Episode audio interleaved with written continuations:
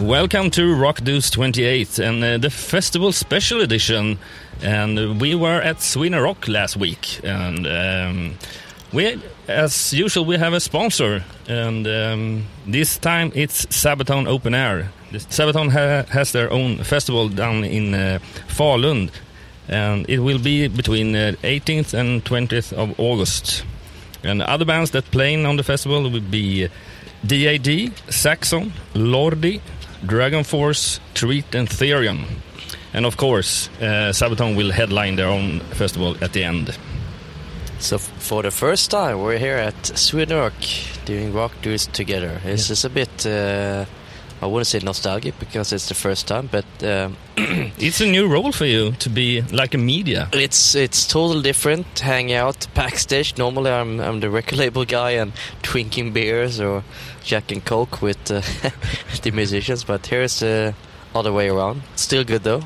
I mean, it's hot and the people are nice, enjoying themselves, having a good time, laugh, laughs. So um, yeah, and um, this year is actually a 25 um, edition of Sweden Rock, so it's kind of like a celebration. Yeah, it was. Uh, yeah, I did. I can't really say that I just saw that many things that could. Um, yeah, Blew, it- that blew your mind, pretty much, right? Yeah, yeah, it- yeah. We saw fireworks at Twisted Sister. Yeah, that was cool. Twisted Sister um, was basically uh, called it quits, and uh, I think this is like the the last gig in Sweden, at least for a festival appearance. As they said, yes. And uh, the the show was great. Um, Dee Snider gave it all. So fun to actually see them live. Um, they've been going on for plus forty years or so. Yeah, did you see the um, the documentary uh, about Twisted Sister? Um, Twisted fucking Sister, what's Yeah. it called on, on Netflix? Yeah. Apparently, that documentary was um, not their idea, uh, according to the press conference. And it's been going on for in the making 10 years, and it just came out from nowhere on Netflix. Uh, the band, uh, of course, the band was involved, but it wasn't their idea. It actually was a, a guy, forgot his name, the director, who came up the whole idea regarding 10 years ago. Uh, a plot to doing the documentary, and anyway, it was fun. But according to the band, um, they said there's, there's not going to be a follow up on the documentary because it's it kind of It left- took them ten years to Yeah. make it. Yeah. So doing a follow up another 10 years who knows if the band will survive or whatever but it, it felt like um, there was one side of the story of Twisted Sister and not really about the future but still a good documentary you should definitely check it out Yeah, please do. But uh, we came down to Sweden Rock on the first day, Wednesday. Yeah. that should that normally be the the warming up warming up party day. there's a couple of gigs uh, not really big ones but uh, I think Gamma Ray headlined there the first Uh, Blind Guardian. oh it was Blind Guardian oh there you go some kind of Guardian or whatever Yeah. Gamma Ray Blind Guardian I always say this uh, well I mix it up sorry But uh, I have to, to just tell you, the listeners, that uh, during this day of Sweden Rock, we did uh, do four interviews with uh, four bands. The first one is uh, that we're going to listen uh, here in a couple minutes is it's a band from Canada actually. Um, Called Monster Truck. yeah, a rock and roll band from Canada. Uh, normally it's well, normally well, band wise from uh, Canada, it's not that many. Uh, the, it's uh, Annihilator, Anvil, and uh, Danko Jones. Voivod as well. And of course, Bryan Adams. So this is like actually the first time I ever heard of um, rock and roll Canadian band, which is quite big. Um, if you look at their touring history, I think they're going on Nickelback tour now, and um, apparently Twisted Sister loves them. Yeah. Uh, according to the press conference, they said you should definitely check out uh, Monster Truck. Yeah, Um, I think they did a supporting tour to Alice in Chains for a That- couple of years ago. that as well. And uh, judging by uh, the live appearance on Sweden Rock, um, you get what you get pretty much when you go to a rock and roll show, and with the Canadian band to say the least. So yeah, it, it was fun. Okay, we go to the interview with Jeremy Widerman. a lot of early Grand Funk Railroad for me, Mark Farner. Um, obviously, I just I was influenced by a lot of ACDC, but kind of later on in life. I didn't listen to a lot of it when I was younger. I got kind of got into a lot of that stuff when I was, um, you know, in my late twenties. So, um, but like I was saying that. The, a lot of it I kind of don't think about very much anymore. And I've been pounded over the head so much with so many different bands and everything that it's more so kind of thinking about our band in a in a kind of kind of more specific way in like what direction we want to go with the music now that we've got this kind of sound that we created seven years ago and just kind of morphing that into something new and different and i don't know where the influences come from anymore i've kind of i From everywhere, more or less. yeah, it's literally every single thing I've ever listened to for 35 years, and it's really hard to pinpoint. So now I just kind of think about it in, more in the in how we want to take the direction of the band, as opposed to, you know, when you start a band and you're like, well, we want to start it and want it to sound like late Grand Funk Railroad or early, you know, early Black Sabbath or, or whatever. It's I've stopped thinking in that in that in, in that way and just thinking about which you know how we want to take our own music and twist it. But you are when you are in the, in this kind of environment like a festival, you have the time to go to see. I did yesterday. It was very rare that we show up at a festival a day early and get to check out some of the bands. The only band I really wanted to see was Graveyard, and I got to see them, and they were great.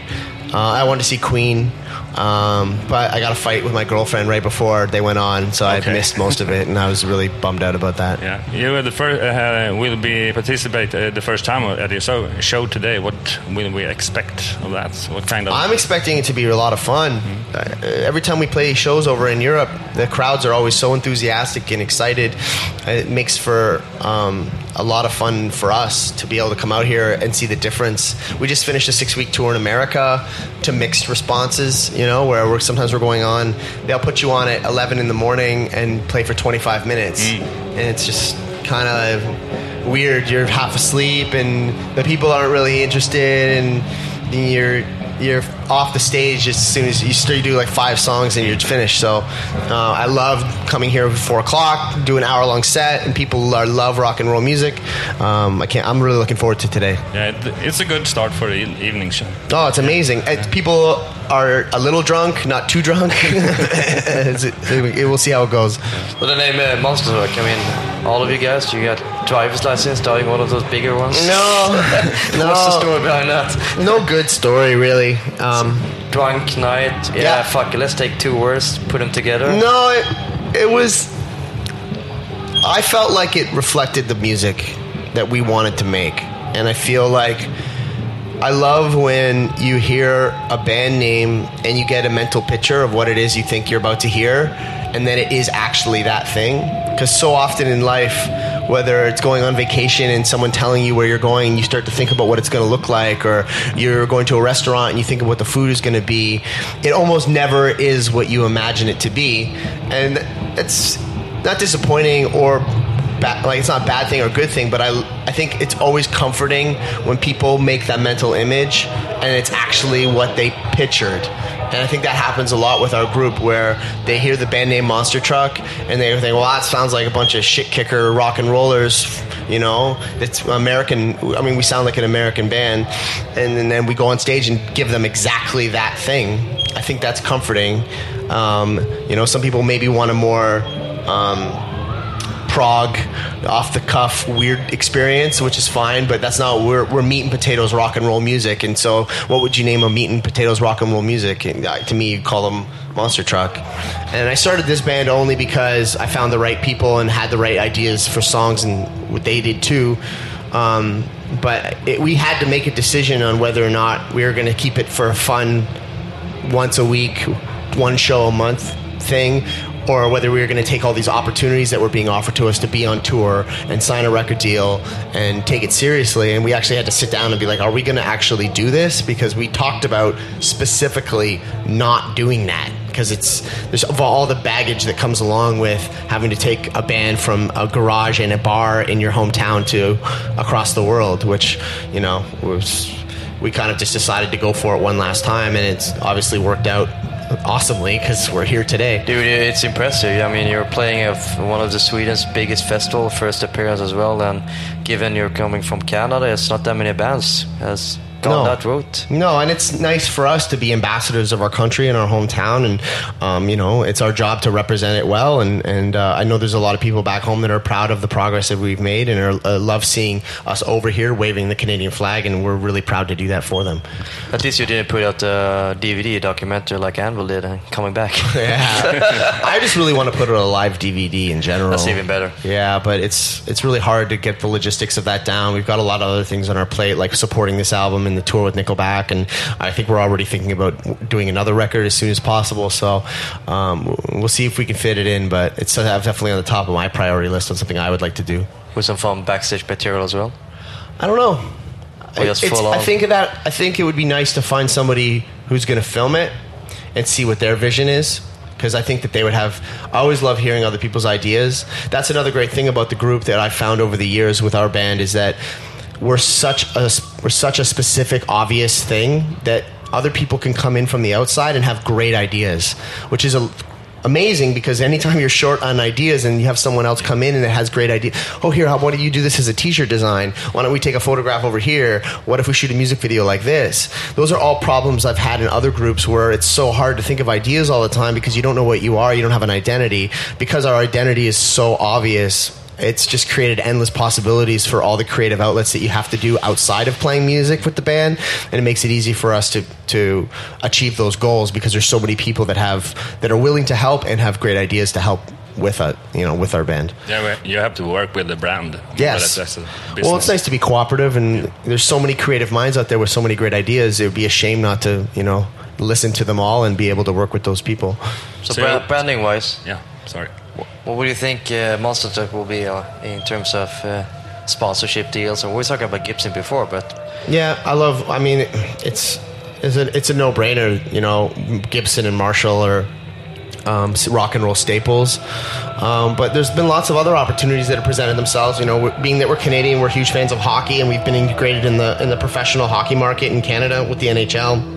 And Hockey Night in Canada, the CBC. Um, you know, we've aligned ourselves a little bit with NASCAR in, in America and, and been involved in some of the stuff that they've done with That's Talladega. That's massive. Um, and then there's been lots of uh, syncs and stuff with video games and movies, and we've been popped into many different outlets like that, and that's always fun and exposes your band to lots of new people. It's never been hard for us to do that, and again, it just equates still back to the the we are what you think we are mentality of we're a rock and roll band that looks like a rock and roll band that sounds like a rock and roll band that's named Monster Truck.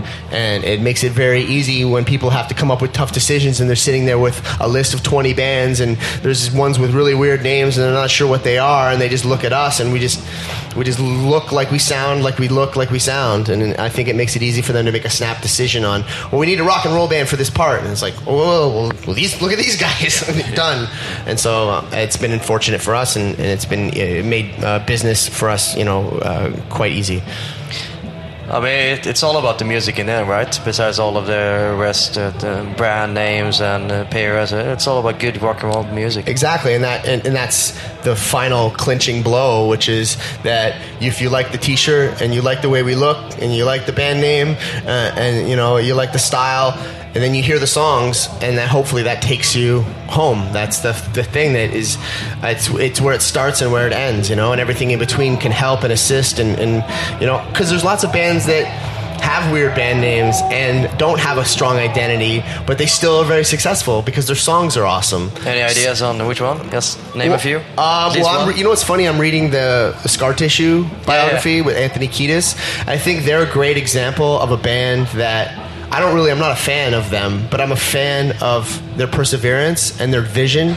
and how there's no one else that sounds like them in Red the world. Peppers, yeah. Yeah. No, it's, they have they literally created a genre of music to call their own and forged a path solely based on making their own way. And it almost to me is the complete opposite of what we've done, but is is is actually more impressive, obviously, because they're they're much much much bigger. They're one of the biggest bands ever, and they did it all on their own. And they it's to me that's a completely different route to take, and is it's just I have so much respect for that. Um, I'm trying to think of another band that's kind of like that. Foo Fighters is uh, one- of the. I know in one interview, Diego said, "Fucking uh, first try, and we choose this uh, name, and Yeah. if I can go Yeah. back, we'll have probably take something else. Yeah, that, to me that's like Even though they like the bigger one as well. Yeah, I mean, I, that's a fun. I've heard that story too, and Yeah. that's a fun story. But I think that's a weird way to look at it. Sure. Like, because things only happen one way, and th- you never know what ingredient r- removed would tear the whole thing down. You know, and I'm a huge believer in in needing everything to, to you know, like I, you know, there's lots of things I would change there was lots of things that you would assume I would change about the way things have happened in my life and with the course of the way the music's turned out, but I wouldn't change anything. And I wouldn't change a band name. I wouldn't change a negative experience. Or uh, you've had a couple times on tour where things have gotten really rough, or you know, personally in our personal lives something horrible has happened and we've had to overcome it. And I wouldn't change any of it because you don't know which way things go. You take one little piece out of the puzzle and the whole thing collapses. so, yeah. No, um, it grows on you pretty much. what's that? It grows on you pretty much. Yes, yeah, and it- everything is important. I don't, it's yeah. I, I don't think they changed their band name. I think they stick with it forever. They have to. Yeah, Um, you, you just talked about that they that they will support Nickelback. Yeah. Uh, in, is it uh, on U.S. Uh, territory or is it? no, it's all in Europe and the UK. It's Yeah. kind of the end of the tour that they originally started with. Uh, a year ago, and then they had to cancel the European dates last year, which we were also booked on because of his voice. And so now they're just basically taking that tour from last year and just uh, rearranging it a little bit and doing it again this year. And we're still on the tour. It actually worked out great for us because our record got delayed. So uh, we were like, I wonder if we're gonna get this Nickelback tour. You know, we really wanted it's all stadiums uh, and arenas across Europe, and uh, we're like, it worked. It actually saved us because we were gonna have to do this tour last fall when we didn't have a new album out. So it was gonna be like we were going on tour, not supporting the new record, and then our new record was gonna come out afterwards. So it was a little. So it worked out perfect. They delayed their tour. We delayed our record. meant to be. And it's, yeah, it's it's worked out that way for us a lot of times. and you will be back in Sweden then. Yes. Yeah. So that's cool. So how happy were you we, we got a Nickelback tour? I mean, that's like the biggest rock and roll band yeah, ever. yeah. People that don't like Nickelback thinking, "Why are you touring with them?" Which is a really weird kind of position to take because we're really just trying to get in front of as many course. rock fans as possible. Which is that's probably the best tour we could be on this year.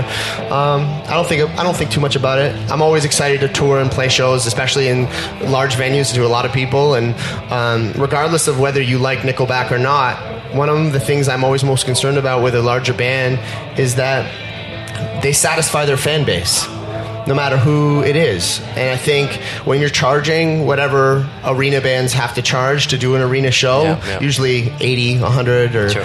a lot, you know, um, if the fans leave feeling like they got their money's worth, it doesn't matter how I feel about it. It doesn't matter how you feel about it. They have a fan base that's loyal, that wants to be there, that's willing to pay big money to be there. Uh, the only way I would be mad or, or, or you know distasteful to that band is if their fan base leaves feeling like they got ripped off.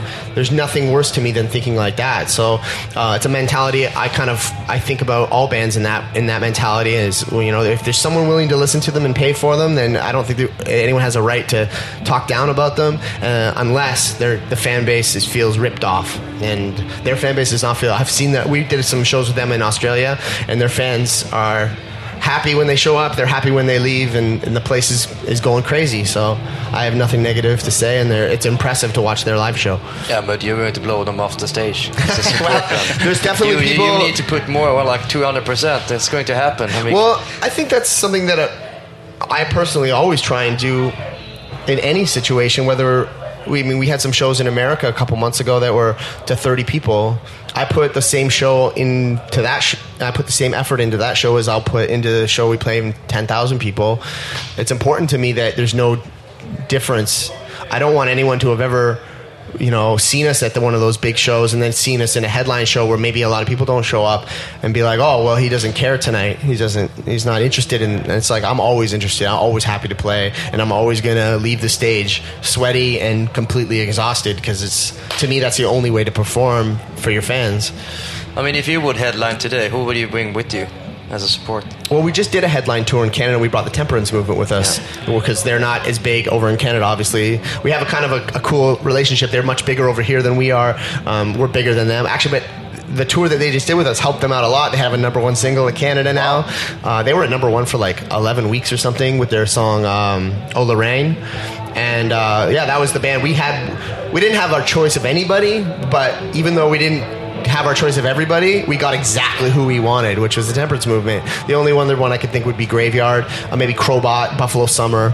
But um, for that particular tour, we thought they were the perfect fit, and it worked out. It worked out excellent. Okay, then we're back. Uh, and Back that- on track. Back on track, and that was Jeremy Widerman from Monster Truck, a really, really nice guy, I must say. And uh, the band is uh, really hardworking, and they are determined to what they wa- wanted to do to do with the band. Uh, just talking about the name Monster Truck was, yeah, it was meant to be to have that kind of title of the band. Yeah, and it, I don't even. I've I've never even seen a monster truck in, in the living or even driven a car. So uh, yeah, that, that was an interesting band name to say the least. Yeah.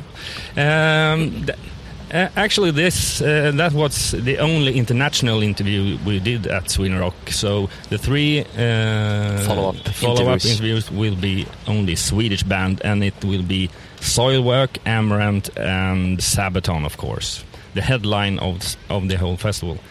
The next interview will be uh, together with uh, Björn Strid at uh, from uh, Soilwork, and uh, you are kind of friends back, or are you just from the same city, No, Helsingborg? well, well, we're basically from the same city, from Helsingborg, south of Sweden. Um, I've known them uh, since the early days of Soilwork, I think, pretty much. The band started uh, 95.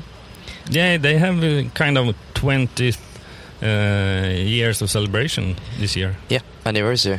Um, anniversary. 96, they changed name to uh, Soilwork. Forgot the name before, Inter- Inferior Breed or something like that.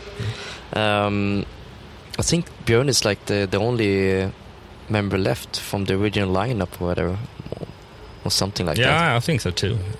The band is still going strong, and uh, this interview was uh, quite fun because uh, we touched by a based not just his um, main band, but uh, the Night Flight Orchestra, which is actually a rock and roll band from his childhood friends in Helsingborg. So it's a bit fun story regarding uh, that band as well. Uh, Soilwork um, played uh, Friday. The show was great. Yeah, really late. Really late, like After Queen, actually, and uh, Queen was. For me, the only show that uh, I, the, the only full show I was uh, watch, watching during the whole festival. I think Queen, you mean, or- yeah, Queen. I saw a couple of uh, songs at uh, Soilwork. Yeah, Uh, yeah, we did that uh, just together. just three or four songs, uh, and then we jumped up to uh, Queen. No, uh, on the other side. We Oh. watched Queen, and just after Queen's Oh, yeah, yeah. show, we went over to the Sweden station and uh, and uh, looked at uh, Björn and the guys in Soilwork. I think I still had some memory loss on Friday, the day before. Gamma Ray, Blind Guardian, alcohol. No, but the. Queen, um, going back to the Queen show, by the way, that was really, really good. Yeah. Um, together with Adam Lambert. people don't know about this, but um, the, um, the backing vocals is actually done by all of the band members. Yeah, I didn't know that as well. Thought that like uh, Freddie Mercury did all of the. P- pretty much, but apparently the the drummer uh, is actually a really talented singer. Yeah, Um, and it was, a bit weird show because two drummers. two drummers. Um, I think it was the son of the. yeah, Mm. the the drummer's uh, son was uh, involved. Uh, the funny thing was the visuals on on the screen was actually F- Freddie Mercury yeah singing along. It blended in really well. Yeah, that was a bit um, cool to see everything live. Um, some didn't like it, obviously reason because it's like feels some way like a cover band because they have a new singer, Adam Lambert. uh, which uh, actually fits the role quite quite nice. But his vocal range is a bit different compared to. Freddie, Freddie. Mercury, right? Yeah. right. But we saw the whole show, and then we went off to Soilwork for a couple of songs, and What do you think about the, the, songs? the, the great. I mean, put out the new album a year ago, um, and it's kind of like going backwards to the old type of Soilwork, which I like. But uh, the fans liked it, and it feels like the the band members uh, enjoyed it as well. Another funny story is that. Uh, uh, the drummer Dirk, the French guy, actually filled in for the Megadeth show on Sweden Rock as well. yeah, I think we will get into that into in the interview. Yeah. When we started the interview with Björn, we just talked about this Sweden show, uh, Sweden Rock gig, and uh, we just listen uh, listen to uh, what he has to say about that. You're playing at the Sweden stage later tonight, and uh, what's your expectations from that show? Um, I mean, expectation. eh, hard to say. Uh, hopefully, there will be people there. Uh, I know we're playing the same time as King Diamond. yeah. Um, I think it should be good. It's it's a, it's a good uh, it's a good slot uh, at you know right after midnight, and it's the first uh, what do you say first full day on this festival. Yeah. If it was Saturday, it would have been disastrous. Yeah. But it's Thursday, so it, it, it should be really good. I think. Yeah, it's it's it's it's pretty late. So Eh, Is this the first summer uh, gig for you, uh, festival wise? um, we uh, did Metallsvenskan in Örebro Yeah. Um, last weekend. How did that go? It was good, a little shaky. In, in to be way? honest. he fell off the stage. Or what do you mean? no, no, no, no, just shaky. Uh, since uh, our uh, original drummer uh, uh, Oh, Dirk, yeah. he's playing with the Megadeth right now. So we have a session drummer from Denmark, and uh, uh, so it was the first show with him, and we rehearsed two days before the show, and he did awesome. Uh, I just uh, I just thought the rest of us kind of sucked, or maybe maybe I sucked the most. I don't know. Who's the fill-in though? The the guy's name. Uh, Bastian Thusgaard. Okay. Has been involved in other bands as well, or Uh, he's been time? playing in the Arcane Order Okay. And uh, some other Danish bands that I unfortunately can't remember right now. But he's a fantastic drummer, has, and he's been doing a great job. And we played in Copenhagen last night, uh, club show, and uh, it was really good. How did you find them though? Through Dirk's uh, apprentice or internship? Um, yeah, it was actually, uh, uh, you know, he's been uh, been Dirk's drum student actually. So that's sort of how we. He, I mean, Dirk kind of recommended him, you know, to do uh, those shows that we're doing in, in June. Uh, but tonight, Dirk will play with us, and we'll, he will play with Megadeth as well. So it's double duties. So what, what happened to the Megadeth drummer originally? Did he get sick or he's just a stand-in for the time being? Well, I mean, uh, normally it's Chris Adler from from Lamb of God uh, who's uh, doing drums for Megadeth, and um, I guess he has some some obligations this this summer with uh, Lamb of God, and uh, so that's why Chris recommended Dirk. So that's how it happened. We actually noticed that uh, this year marks 20 years of Soilwork once Yeah. you change the name and everything from Inferior Breed. So how does that feel? 20 years, go, still going strong? Um, it's kind of hard to grasp. Uh, it really is. I don't know. It, it, you know, like I said, it's hard to grasp. But all I can say is that I'm really proud of of, of how we've managed to to uh, remain interesting somehow, and we've developed our sound.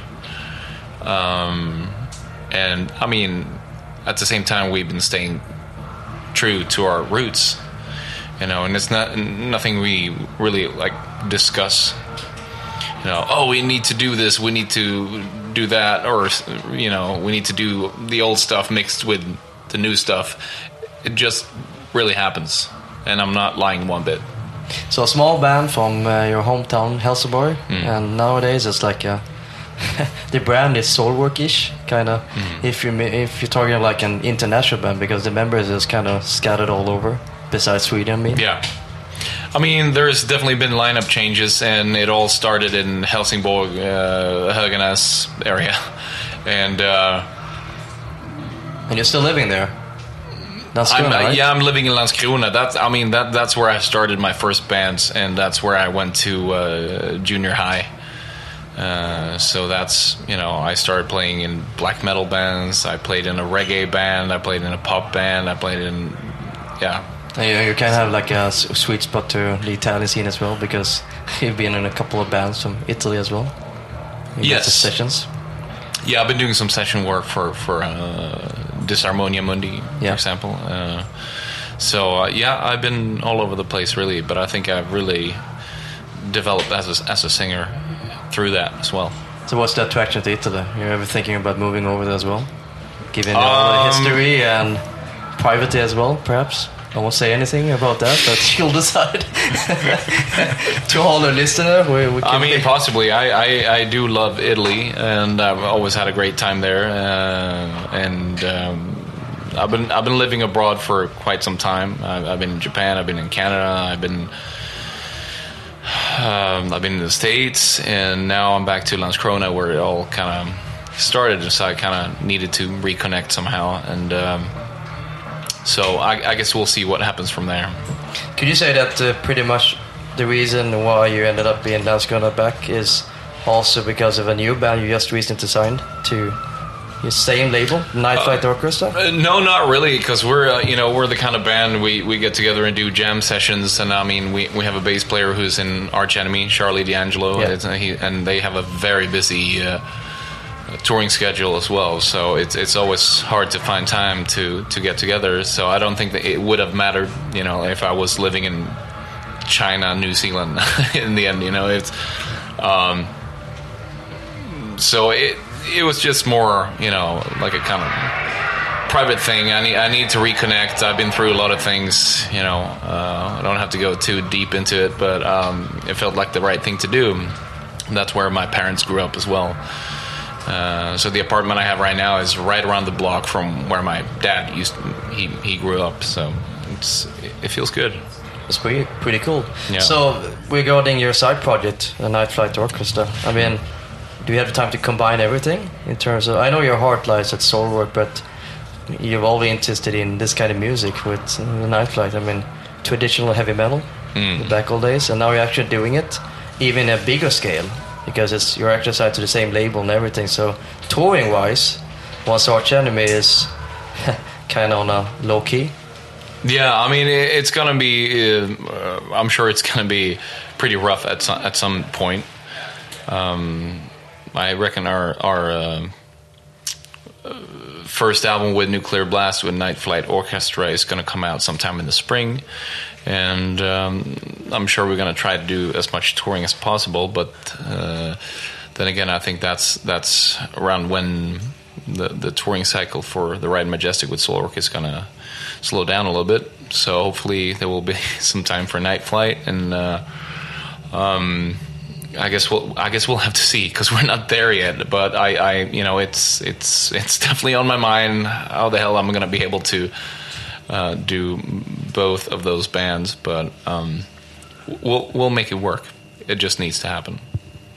So it's uh, is it the same heart to do to do the the side project? Um, why is, is it just is, is it the same uh, importance to do the other bands uh, like uh, Soilwork? I think it is, you know, because I mean, I don't really consider it a side project either. It's it's really a re- real band, and I, I guess that's what they all say. And As soon as somebody is like, "It's not a side project; it's a real band." Blah, Oh, blah. shut up! Sorry. N- No, no, no, no, no. But it, it it's you know, um, it is a real band because it's really you know something magical happened with that band when we got together to rehearse and pretty much have fun, right? I mean, it's it's not really.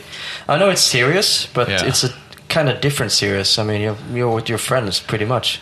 Yeah, and I mean, you know, that, that's where Soilwork started too. You know, you got together, but obviously we've been around for 20 years, and of course, it turns into a job. But if it was just a job feeling over it, I would have quit a long time ago. And it isn't. You know, it, it's it, it has become a job, but it's still. I don't really consider it a job. It doesn't feel like a job, uh, but you know, of course, there's the business side. You need to you need to survive. You know, I've been living off solar for 12, uh, 12 years. I'm really grateful for that. But obviously, you need to watch the you know the business side of it as well, which sucks. That's why. I, I mean, I, I didn't really sign up for that in, in the first place, but it kind of comes with it. It's kind of inevitable. So. Um, and um, now, I mean, Night Flight is. I mean, we started jamming out in 2009, so it's been a, you know, few years but um, it was really hard to get this band signed from the beginning. And now it seems like you know there's there's a lot of labels who are interested in. Well, know- why is why is that though?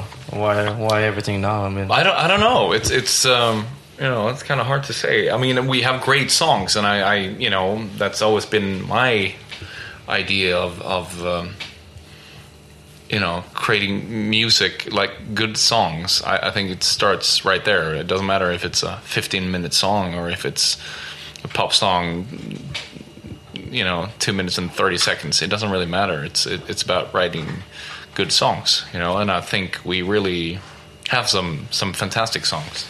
So you see the potential. You think you can uh, maybe retire with this band instead of Soilwork? Who knows? I, I don't know. Who, who, who knows? It's it's you know I still really enjoy what I do with Soilwork. I might not listen as much as I used to, as far as you know, extreme metal goes. But um, but it has to do with that there's not that many bands that appeal to me anymore. But if there is something, I will promote the hell out of it, and I will listen. You know, as much as I can. You know, it's uh, I, enjoy it, but it's uh, it's kind of hard to find. You think it's an age thing? I mean, 20 years later, listening to all kinds of new stuff. I mean, I don't know. It, it might be, or maybe it just had to do with that. You're. It has become a job, and you're around this all the time. And I know it sounds boring and really predictable, but it's kind of hard to ignore. You know, it's uh, it's what you do. You you tour all the time, and you're so used to metal that it's almost like uh, what do you say? You kind of get used to it, right? In some way. Yeah, it's like de-dramatized, de- dismantled s- somehow. Like uh, it, it, the, the the in a way, the thrill is gone, but it that doesn't mean that I can't get you know thrill out of writing a, a, a great metal song, or you know, I, I like to compose and I like to perform it. So it's um, So what do you think the next step will be for Soilwork if you want to like kickstart it again? It's kind of like going back in some way. I noticed the last record was kind of going back to your roots. Yeah, it was, and I, I think that's you know you you can definitely hear our roots, but it's also a step forward. I, I feel you know that we found uh, a different way of, expressing ourselves musically, and uh, it's we're definitely not slowing down, but has a, a very interesting dynamic, you know, running through it, and it's pretty melancholic, but it's definitely no goth rock or you know it kind of sounds like that. When you, as soon as you mention melancholy, and it kind of sounds like that, but it's it's it's very intense. But it has, especially melody wise, it has that kind of Scandinavian feel to it that we had it in the beginning, and I feel that it got lost somewhere in the mid 2000s, and I, I think that's something that we wanted to bring back without forcing it too much. You still play the old songs though uh, live. Uh, Yes. especially from the Chainheart Machine era. Yeah, and I mean, they, songs. Yeah, I mean, and they sound good live, and it. I, I still enjoy playing those songs, you know. And uh, How's the voice though? You still, you still. it's it's fine. I mean, the, the voice is is totally fine. I I I'm lucky enough not having to warm up very much, and and uh, as long as I don't get sick, I'm fine. And um, yeah, I think the, the, the hardest part is it's really mentally. I, I feel you know. Um, to feel motivated every night, but I mean, once you're on stage, it usually works out. You know, as, as long as you get the adrenaline and, and you see the crowd, you know, you, you you know you get it going. Do you have any kind of a process writing new songs, or Not really, no. It just happens. People write songs, and I mean, we're so used to being spread out all over the world, so we send files back and forth. We get together, you know, a couple of weeks before entering the studio to, to jam out the last parts and the transitions, but that's about it. But we're so used to it because, I mean, even with the original member Peter Wichers, he was in the uh, in the band until well 2005, and then jumped off the band, and then came back in 2009 or and, 10. and was in the states as well, sending. Yeah, and I mean, he moved forth. to the states already in 2004. So after that, ever since then, we you know we got used to sending files back and forth and just the modern It way works. of working, Yeah. pretty much. it is working, you know. And I, I, I feel that there's this. Um, so? We just finish up. What uh, happens after Sweden Rock? Is it a lot of festivals during the summer? yeah, there's a bunch of festivals, uh, at least in, in June and, and, and August. Uh, August, we're going to go to the UK with Arch Enemy as well. And uh, we have uh, three weeks off in, in July, I think. And uh, and then September is going to be South America for the first time. That's awesome. Ever. That's cool. That's That's cool. cool. Yeah. Yeah. Rock Dudes! Okay, now we're back to Rock Deuce 28 and uh, our chit chat talking here in about Sweden rock, and uh, ju- Ermin just uh, told me that uh, I should talk about little, a little bit how to be the press media in Sweden rock, and in the, there is one really big uh, backstage area when all the artists and all the press people could be, and but the press has their own talent. No, but regarding the um, press telt and everything, there's actually two guards outside, Yeah. um, which I've never seen before. I think this year or last year is a bit special because they they've been having um, people buy into uh, the backstage area like VIP uh, prices or whatever it's it's called. So you actually pay, I think it's 100 euros more. You get a hoodie, but you actually get access to the backstage area, which is basically where some of the musicians hang out, the media people, the, the rock la- the labels and whatnot. But to get access to the media telt, uh, where people are actually working, there's actually two uh, point guards. Um, you have to have special wristbands. Um, Yeah. We came in because we're working, obviously, interviewing bands. Um, the only thing at the backstage is that you get um, you get Wi-Fi, you get um, free sodas, sponsorship sodas, and there's a couple of rooms uh, privately that you can uh, interview your bands depending on uh, schedule and stuff like that. Yeah. Also, the press conference is there as well. Yeah, I should say so as well. But uh, enough talked about the press tent uh, and uh, We, we had uh, we had an interview there actually Yeah. with, with Amaranthe, right? yeah, we just arrived to to the um, festival area and just get into the press uh, press tent and then the uh, label um, people just grabbed us and said, "You have to do the interview right now. Can you do it?" It's a bit early. Uh, I think I, I just came in from, It from was the apartment or whatever and jumped in straight away to the interview. We were scheduled to half an hour later, but well, the band wanted to do it uh, straight away because of the tight schedule. And the first, Actually, it was the first time we recorded with this equipment as well, it was a little brand, bit nervous. brand new in, uh, equipment, but um, it went it went cool. Uh, and um, we interviewed actually Olof, the right? guitarist. And uh, to follow up with uh, the last Rockers interview, 27th, which was with Elize, Yeah. and now it's with the guitar player. So that was fun. Uh, talked a little bit about the recording, uh, about the new album. That the new album, where they're at, and also the show. So yeah, enjoy this interview with Olof and Amaranthe. How far in the process are you with the new album? Right in the middle, exactly Right in the middle. Yeah. now we've we finished all the guitars, bass, drums. Uh, all the songs are actually written, and uh, we're gonna do um, uh, vocal recordings and mix by the end of this month, starting the 28th down in Denmark, running until the 4th of August. We're supposed to be done. So Your part's already done, the guitars and uh, everything. most of them, yes. So no, I, basically- I still have the guitar solos to play, but all my Yeah. rhythm guitars are done. Yes. Have It's you written uh, Have you written those Yes, or, or are you doing guitar solos on the spot? Usually, no, I haven't written any of it really yet. It's usually like I improvise around, you know, the song, try to find the uh, essence of the melodies and the essence of the of the track in general, and then I just I just shred it. Have we decided any singles yet? We got the album, we're still in progress. Regarding what the name, the album, title, stuff like that. yes. Oh, no, yeah. um, I think we have actually decided uh, a single, at least the first single, uh, and it's it's been a track that has been around for like a half a year, and everybody who's heard it so far has almost unanimously said that it's the most catchy Amaranthe track so far. So it it seems like a pretty given single. Can't re- reveal anything more about it yet. I but was it's, hoping to something, uh, they could reveal anything, but yeah. no, but it's um, okay. I'm gonna give a hint. Good. the title of the track it might be related to a certain weapon that is primarily used in the country of Australia. And draw your conclusions. Don't say it out loud. Let the listeners draw their own conclusions. Ah, okay. And let's see if anybody figures it out. Yeah, good. That's a tough one. Yeah.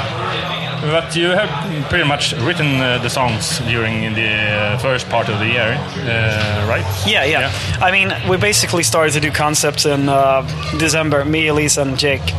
and it was running. Actually, this time we did it a little bit differently because uh, usually we sort of did it while on tour and when we were home and and so on and so forth. But now we actually took some free time to sit down uh, home and write the music, which was very interesting, very strange to all of a sudden find yourself at home for four months in a row without any shows at all. But uh, I think it really shows on the material. It's very, very focused songwriting.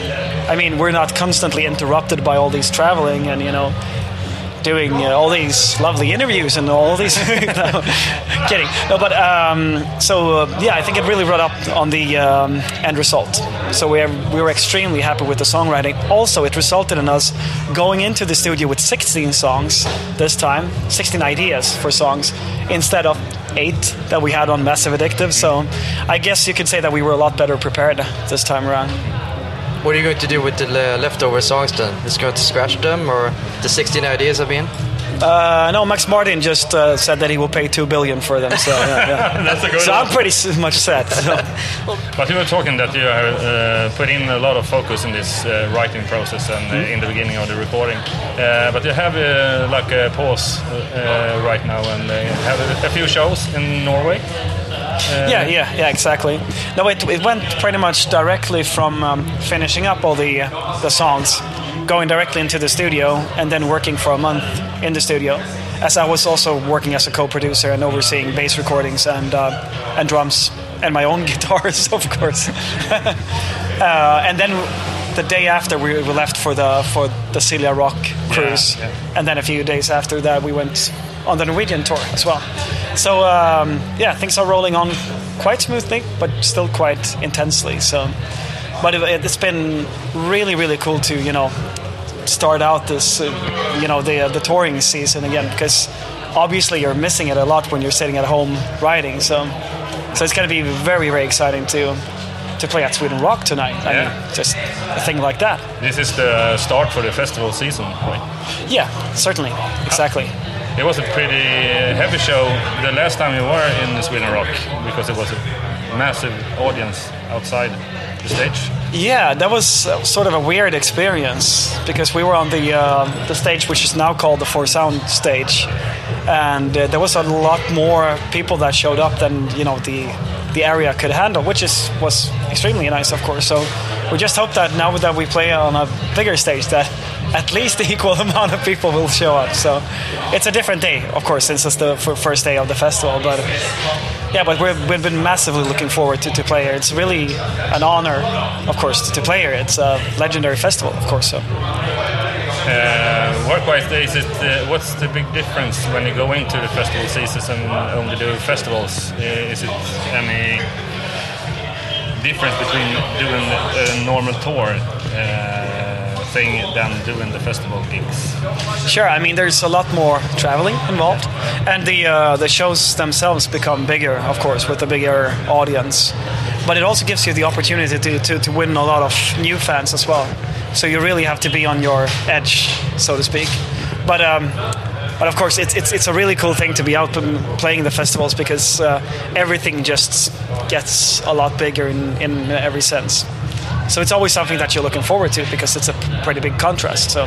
So besides this festival, what are you looking forward for? We're going to touring cycle. Any specific And- dates? But mostly, I'm actually looking forward to return to uh, to Graspop and um, uh, Masters of Rock in the Czech Republic.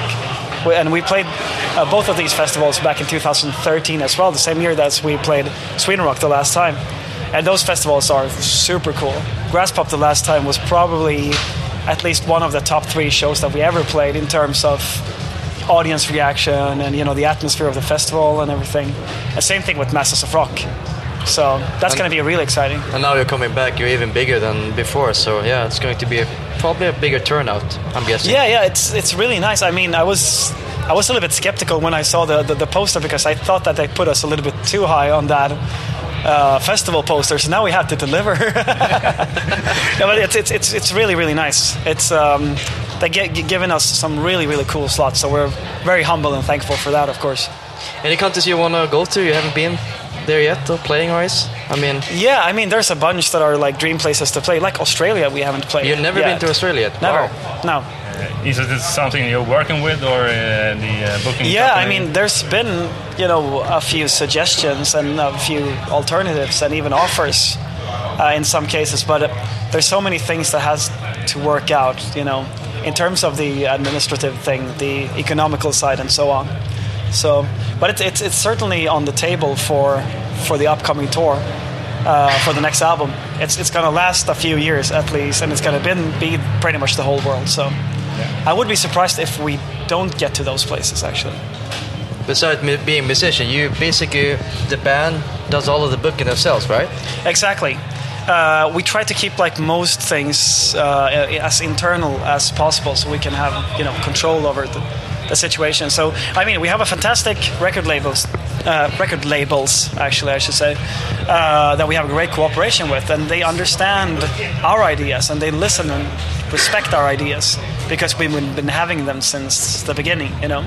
So uh, instead of having a record label that runs everything, it's more of a co- uh, cooperation. So uh, we're very hands-on with everything that is related to the band. It's pretty unique though, a band running himself, booking and everything, because being a musician and all the touring and all the administration stuff, that's impressive. But it, it kind of works for you guys, so that's that's cool. Yeah, I mean, uh, we've, we've been in the music business for, for, for such a long time, and we just had so many opinions when we were in all in all these different bands before. And I guess instead of being these, you know, expert or these gurus, we sort of just did all these things that, how, how we wanted it to be. All those times that we were disappointed that the record label didn't do this or that, this time we just tried to do it like that instead and figured that let's see if this works and uh, I think it's sort of worked. It's, it's been a bit of a you know a trial and error, but I think that most of the decisions, at least 95% of the decisions that we made in terms of the administrative part and the tours that we've chosen and the festivals that we played has been good decisions. So it, it's been working out for us, and I think it's a little bit the new way of doing things as in compared to the 90s where you could sign to a record label and they would just take care of everything. So I think that bands need to be a little bit more hands-on these days. Uh, tour-wise, do you have any really fun memories from the tour, uh, from the road? Have no memories whatsoever. What, what, happens in the bus stays in the bus. exactly.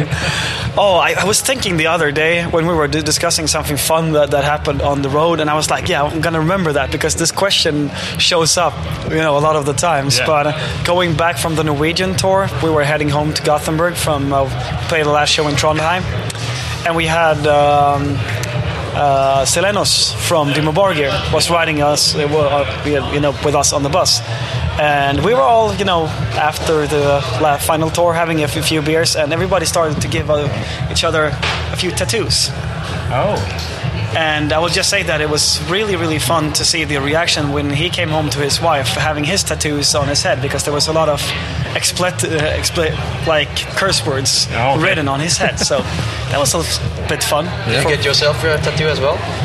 yeah, I can't speak anything about that.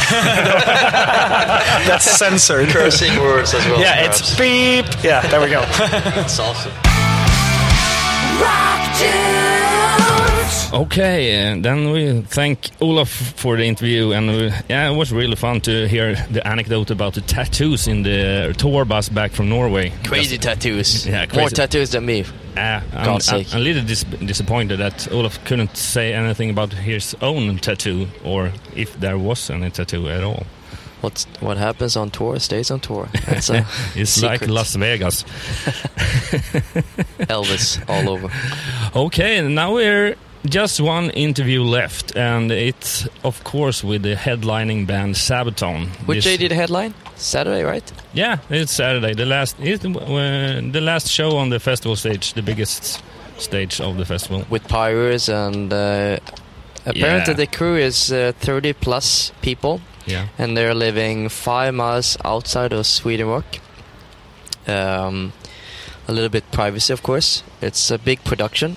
Uh, they spend a lot of money on pyro, but um, the local, uh, the biggest paper, daily paper, Aftonbladet, gave it uh, four out of five, Yeah. which, and said it was uh, one of the better gigs, which I can agree on. Yeah, because uh, the the um, the concert wise during during the festival was pretty mellow uh, this year, I would say. And so the Sabaton uh, fireworks and everything about that, it's it should be the best show. And it was. Yeah, and, and it was. And we saw a couple of shows from uh, the tower. There's actually a tower at the backstage area where you can see the the big stage on the side though. Uh, not really the best view, but if you prefer to see it there and having a beer and with your friends, And see all the people out uh, watching, watching as the show. yeah. and the crowd. Yeah. especially you get some great pictures out of it. Yeah, of course. Uh, if, just talking about the backstage area, um, was it anything, other particular things that was showing off at the backstage? Um, two giant buses, um, one with uh, Gibson, which is, uh, actually was a nightliner, ah, a new one, and in the middle there was another bus. yeah, was Uh, it kind of English bus? What's the name type? if we call like a double decker uh, Yeah. English uh, bus? This was painted black, and um, Was it was Marshall. Marshall's own bus, and uh, they had a couple of uh, uh, acoustic gigs outside in uh, outside of the Marshall with amps, with of course with Marshall. I, I think uh, one of uh, your bands just Thunder played the tunes. did. Philippa and Georgia did acoustic set, a couple of songs, instrumental, um, with uh, some of their friends, and Marshall documented everything. I also think that Heavy Tiger was there doing Mhm. some kind of um, gig or whatever. I mean, all these bands are uh, officially sponsored by Marshall, so they try to do some cool stuff uh, while some of the members are actually there. Uh, we did our interview with Sabaton, the new kids on the block, uh, the new members, two of them, uh, at, at the Marshall bus. Yeah, it was uh, actually it was Tobbe Englund that was interviewed. The other one, the other guy just stayed behind. Yeah. And said yes, uh, filling at the gaps. Yeah, So but actua- we, we didn't hear anything of him because he didn't have uh any microphone. No, so uh, Tobbe and we did the interview, and uh, He was Nope. a really geek he's, a, he's, a, he's, he's a guitar geek, which is uh, fun because he makes his own uh, guitars, not on stage for his own private uh, purpose. yeah, for solo projects. solo projects. Um, he used to be in uh, Raubtier, funny enough, a band that I'm actually working with. Yeah. And uh, after the interview, I actually told them, you know what? uh, I know the full story, how you ended up at Sabaton, because the singer uh, told them that they should take one of the members from Raubtier. And fun enough, I'm working on the label, and he was like surprised. Tobin was like, Wow, you so you're not a media guy? You're, you're a label guy? I'm both. I'm everything. I'm everywhere. I'm everywhere, anywhere. I'm there. Well, the interview was great, and it was fun. Um, Yeah. Basically, interviewing Tobbe and seeing his side of uh, things regarding him being the the newer members. Well, it's, it's new member and all, but they've been in the band a couple of years now. Yeah, it was uh, fun in the in the beginning. He just uh, did a good good des- description of what uh, about this Win Rock show with all the pyro and uh, explosive things. Yeah, and um, he told us a little bit about some seekers about Sabaton as well. So you should definitely listen to this um, interview. It's it was fun and interesting to say the least. Here we have Tobbe Englund. This is the day before the big show here on Swin The day before the big show, yes. Yeah, and how how does it feel? Uh, it feels really good. We are really excited actually to go up uh, on stage tomorrow. Yeah. It's going to be the biggest show actually in Sabaton's history. Oh, More pyros than ever. can you describe it? Yeah, well, to be honest, it's Yeah. it's so big that I myself I don't know what's going to happen really. Oh, So we're going to talk about that later on tomorrow afternoon. You can't step here, you can't step there. You have to think about moving there at that point, and you know it's lots of fireworks, pyros, two tanks. You're scared? And sorry, You're scared? yes, What happens if you fuck up? You burn up? uh, yeah, pretty much. Fuck, you know. Short. James Hetfield times hundred. Yeah, that has happened, yeah, for Yeah. sure. oh, Ouch. it's it's like the real war then. Yeah, yeah. basically. So for this crew, is it like more people this time around because it's the biggest production ever on Sweden Rock? Or, Uh, or is this yeah, normal? we, we're yeah we're a big bunch of people actually carrying out all this. So many? Well, I would guess around 30, 40 people all in all, not counting the security personnel and fire firefighters and all that. So it's uh, yeah, we're a big bunch of people. But what was it? Uh, the most uh, odd thing on your um, Rider, on your rider then? Do you have some? I would say two zebras. it is. No, seriously, nothing weird at all. You guys are kind of humble. You don't want to Yeah, yeah, overdo I mean, it. Yeah. the, the the rock star thing, the rock star myth, living that, you know, it's it's been done. It, it's been done 30 years ago, and this is in 2016. I mean, I guess you could behave that way if you would be like Axl Rose or somebody, because he's got so much money and he might do it just because he can. But I, I think he's a humble guy today as well. So I, I think that's It overdue lot, in a way. It's- Yeah, sex, drugs, and rock, rock and roll. That's kind of old news. It's to, today. It's more like It's like a business. like a business, a big business, and you have to take care about where you're going to invest the money in, in, in, in zebras or in the next show or a tour bus uh, in America or something. It's yeah, So you have a new album coming out, The Last Yep. Stand. Yep. When's it out? it's out the 19th of August. Looking forward to it. Uh, yes, pretty much, uh, uh, very much actually. I'm so tired. Sorry. Um, yeah. And then follow up with a tour. I'm guessing for Uh, yeah, year. the tour is going to call be, be called the last tour. What does that mean? Are you giving up or? Uh, What do you think? I don't know. You guys are secrets, so who knows? Let, let's keep it that way. You don't want to say anything? Why the name of the tour? or- well, the album is called The Last Stand, so that would make it pretty natural Makes to call it The Last Tour. Yeah. I mean, Status Quo started their farewell tour in 1984, so we're a very competitive band. So if we're gonna win that that fight as well, we have to start now. yeah. yeah. that makes people guess, though. A lot of uh, thinking around. What's the name? I've, re- What's the I've tour? read, read some forums and people are getting worried. Oh, is this the last tour? Uh, Blah blah blah. yeah, yeah. If you just talk a little bit uh, about the album, uh, about the process, um, about the contribution, has everyone contributed to the album? Uh, yeah, uh, me and Joachim wrote uh, one song together on this album. Chris and Joachim wrote one song on this album. And the lyrics is pretty much Joachim and Paris as usual, uh, because they're actually the ones that are really into history. I, I have the interest in it, but I, I feel it.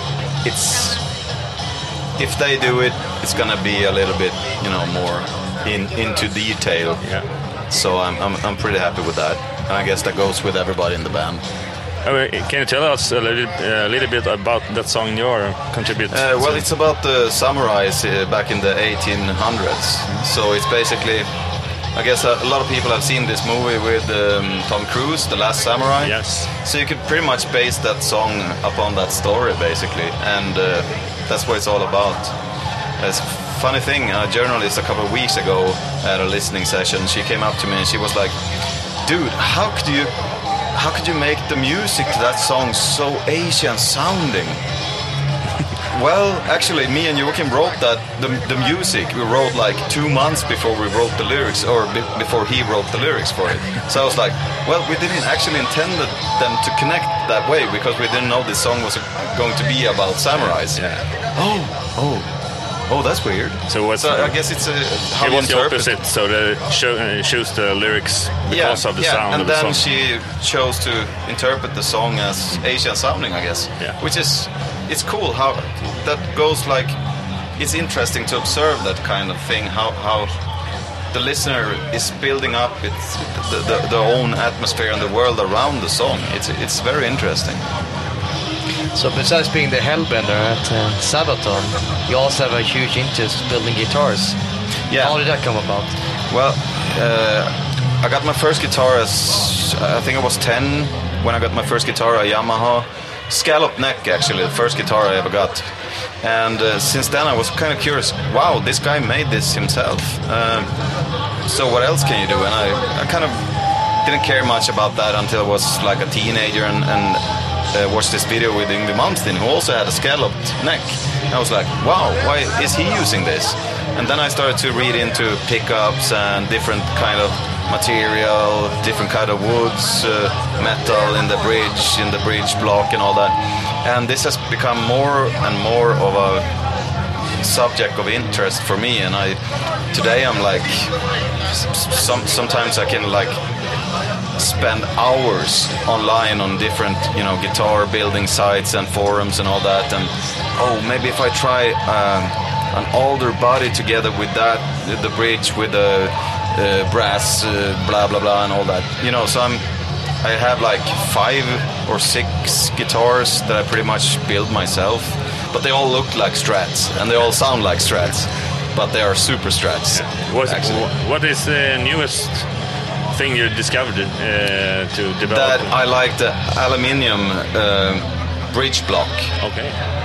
Uh, in the tremolo, you have a big block that the springs connect to the to the spring claw on the backside, and I would say I like the the aluminium one because you would normally you would think that it doesn't give you that kind of um, vibration and all that. You, you usually go for the heavier blocks, the the steel, or you, the, the heavier the better sound.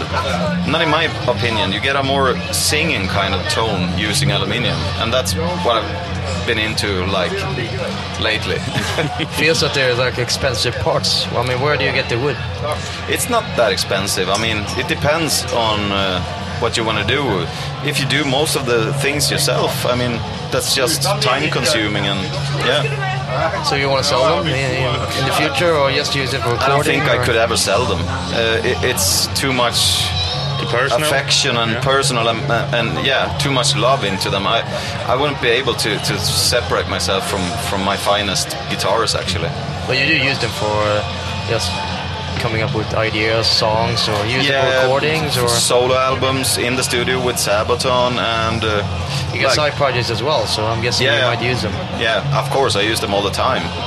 Uh, from f- for different solos. Here I want like more of a Gibson tone, then I might use that guitar. Here I want more of a Strati, Strati tone like 50s, then I use that guitar, and so it, it's like a, it's it's not only a hobby, it's a big passion, and I I, I can't see myself selling away. It's, it's like selling your kids basically. It's, That won't happen. no, but you go to trade shows though and come up with new ideas. Oh, this I could use, or, or whatever. yeah, of course. Uh, NAMM, perhaps. yeah it, it's always interesting to like read about learn about new stuff and we're in this marshall bus right now and i just uh, saw that they have this code 50 and i was like wow i've been looking at that for a couple of months and here they have it so i, I need to go check that out in a while i'm always in, in motion when it comes to guitars amplifiers and all that the perfect tone even though i think i've got the perfect tone right now it's like searching for the perfect wave if you're a surfer you will never find it Maybe a collaboration with uh, Gibson or Fender. Who knows? Fender, I would say, yeah. Uh, I'm endorsed by Fender, and uh, A well, that- signature guitar, perhaps. yeah, yeah, signature, signature guitar, yeah. Um, that would be cool, actually. Then I could really put together the best guitar ever, in my opinion. I couldn't play another guitar than Fender, basically Fender Strats. It's something. It's like it's like a enlengthment of my arm or something. What happens during the summer after Sweden Rock? Uh, after Sweden Rock, we have like four hours free. Okay. And then we're off to France. Ah, so there we go with the summer festival. It starts pretty much now, and we're gonna be we're gonna have a couple of two weeks off, I guess, after after France, and then uh, it's basically moving, moving the whole summer, traveling, flying. That's the difference between being on a tour, where you always have the tour bus and you can sleep, and you know, it's a pretty stable schedule. You get up in the morning, do your thing, and get up in the evening, do your thing, and then basically travel. So during the festival summer, you fly here and there and fly all the time, and lots of airports, lots of dead time, and no sleeping. no sleep. Sleep is overrated. What do you do on your free time though, during the tour and everything? Play guitar. Pretty much. Yep, At the, airpo- at the airport of as course. well? Yeah. As soon as I get the time, guitar playing. Would you say um, Would you say that you're the most extreme musician in the band? I mean, uh, Yes, I would say so. 24/7. Yeah, I would say so. You basically just sleep with the guitar. Yep. Happened a couple of times in my teens, though. actually, uh, actually, I fell fell asleep in the bathroom with my guitar on vacation in Florida in '99. and my girlfriend at the time, she was like, "Man, you're sick. We need to talk." So when you got the offer joining Sabaton for full time, what was your expression? Was it out of the blue, or obviously it was because you're a great musician and guitar player, but besides just getting yeah, well, I guess mean? things happen because of a reason. So, but when I got the offer, it was like, hell yeah! If you guys want want, want to have me in the band, wow, I'm in. This sounds like fun and nice guys and this goal and everybody's. It's a sound atmosphere around the band. That's what I first like. I was struck by the the. the the feeling around the band is is very nice. It's it's not this as we were talking about earlier, like the star thing. These are just guys like me that grew up listening to good music, wants to, to play good music in front of a happy crowd and like just having fun. Did you ever think how that's going to affect your your bands while you were playing in other I'm bands sorry, as well? I'm sorry. You were playing in other bands before you got the offer. Or did you ever think about how that's going to affect your own stuff? No, I never thought that way. I, I was pretty much playing the same kind of music, basically. I used to play bass in the Swedish band Raubtier. I guess that's a little bit different musically, but still melodic and all that. So, and I used to have my own band Winterlong and release some solo albums under my own name. Different genres as well, both of those bands. Yeah, Compared but to Sabaton. pretty much in, you know, the melodic eras uh, anyway. So it wasn't that big of a step. And and, and Winterlong, which was my band, uh, it's pretty much pretty similar to Sabaton, I guess. Besides the vocals, because Joachim has such a, a defined voice, it's a bit different from the other power metal singers, if you wish to call it power metal. I think it's just heavy metal. A lot of people prefer to put everything in like Genres, yeah. Yeah. yeah. You still miss the old days playing with Raubtier and Well, so, some sometimes uh, I can think back, and it's been a lot of good memories. Yeah, for sure. If I miss it, nah, I don't have time for nostalgia. I'm looking forward all For the, the time. future. Yeah, For a new exactly. the guitar. next thing? Yeah. Rock Dudes. Okay, now we're back to Rock Dudes 28 and the special edition. Uh, The Sweden Rock edition. The Sweden Rock edition. That's right. That was all of those four interviews, and uh, I hope you enjoyed it as much as we did. Yeah. Um, we're still here though, and we would like to talk a little bit more regarding uh, the festival, Yeah. Sweden Rock, because Sh- shall we start with, s- start with uh, eating and food and things like that? obviously we weren't just at the backstage area because we were outside looking at the gigs as well and talking to people. Um, food-wise, good mix, variety. Um, yeah, yeah. wasn't it's- expensive though, right? Well, it was like 90 corners, 100 corners for, for some food. I mean, It's like a lunch in in the Stockholm city. I mean, th- there's a couple of uh, places that they're better than uh, than others, of course. Yeah, especially we we actually we haven't mentioned that, but Hellacopters did a reunion gig with the original uh, setup. Yeah, of course. and uh, that was packed. That was a lot of people. really packed, and it was a really good uh, show. They, they actually played um, the first two records, right? yeah. And um, after we watched that, we went to grab some food uh, at the uh, Lemmy stage. But we went to a food truck, uh, uh, actually, and uh, it, that was, uh, for me, the best food this weekend, or this festival. It I, was, I, I I- think I thought. I wonder if that was the same. yeah, was- you, you get a burger you were yeah, really that was, that satisfied was with. yeah, like a hole in the wall. Two guys. Yeah, It didn't look anything out from from uh, from the festival area. It's kind of shady, but the food was great. yeah, and the guy in the that uh, sold the food, he was really talking to us like we we know each other. Like, Yeah, like we were celebrities or rock star or whatever. But no, Yeah. it- that was it was good food. yeah, it was a Um, great meet. What else is uh, happening during the festival? I must say, I didn't eat any langos this time. It was I've never been much a fan of it though. no, but It's just I, uh, cheese and uh, garlic, pretty much. yeah, it's a lot of fat. yeah. But The- um, but the people uh, were happy and um, how many people were there? almost sold out. Uh, full capacity, thirty-three thousand people. Yeah, With that said, Uh, yeah, they, we just got the information from uh, some uh, The head, the head, head guys that um, people that uh, go to Sudak, yeah, they it's uh, twin. Uh, seventy-two percent uh, turning back. How do you say it? Uh, yeah, they uh, come back. Yeah, returning. Um, re- Returning guests are seventy-two percent. Yeah, that's really cool. And uh, demographic, well, yeah, thirty plus people, age-wise. Yeah, I think the average age is about uh, 38 or 39 years old. Yeah. And, then that's yeah, that's pretty unique for a festival uh, actually here in Sweden because all other festivals um, has more or less 20 to 25. A lot of people uh, around that age. like Bråvalla, the biggest Yeah. festival there is, which we are actually going uh, next week. Yeah, it will be the next. It, it will be the next episode of this podcast. If you just put a grade on this festival from uh, one to five, I would say four. okay. I never give five, by the way, because it's like top notch. I've never been to a festival which is you still remember until this day. So a strong four, and um, I'll be back next year for sure. Yeah, yeah. You have to have pretty much uh, a better lineup to get a five. I think. Yeah. Yeah. But overall, eh, yeah, it's a really great festival, and you always want, uh, wanted to get get back. So I I will be one be one well. of the seventy two percent. That's for sure. I'm in the mix as well. Yeah. Okay, so That that was it. That thank was you it. For, thank you for listening, guys, Yeah. and uh, thank to our sponsor, uh, Sabaton Open Air.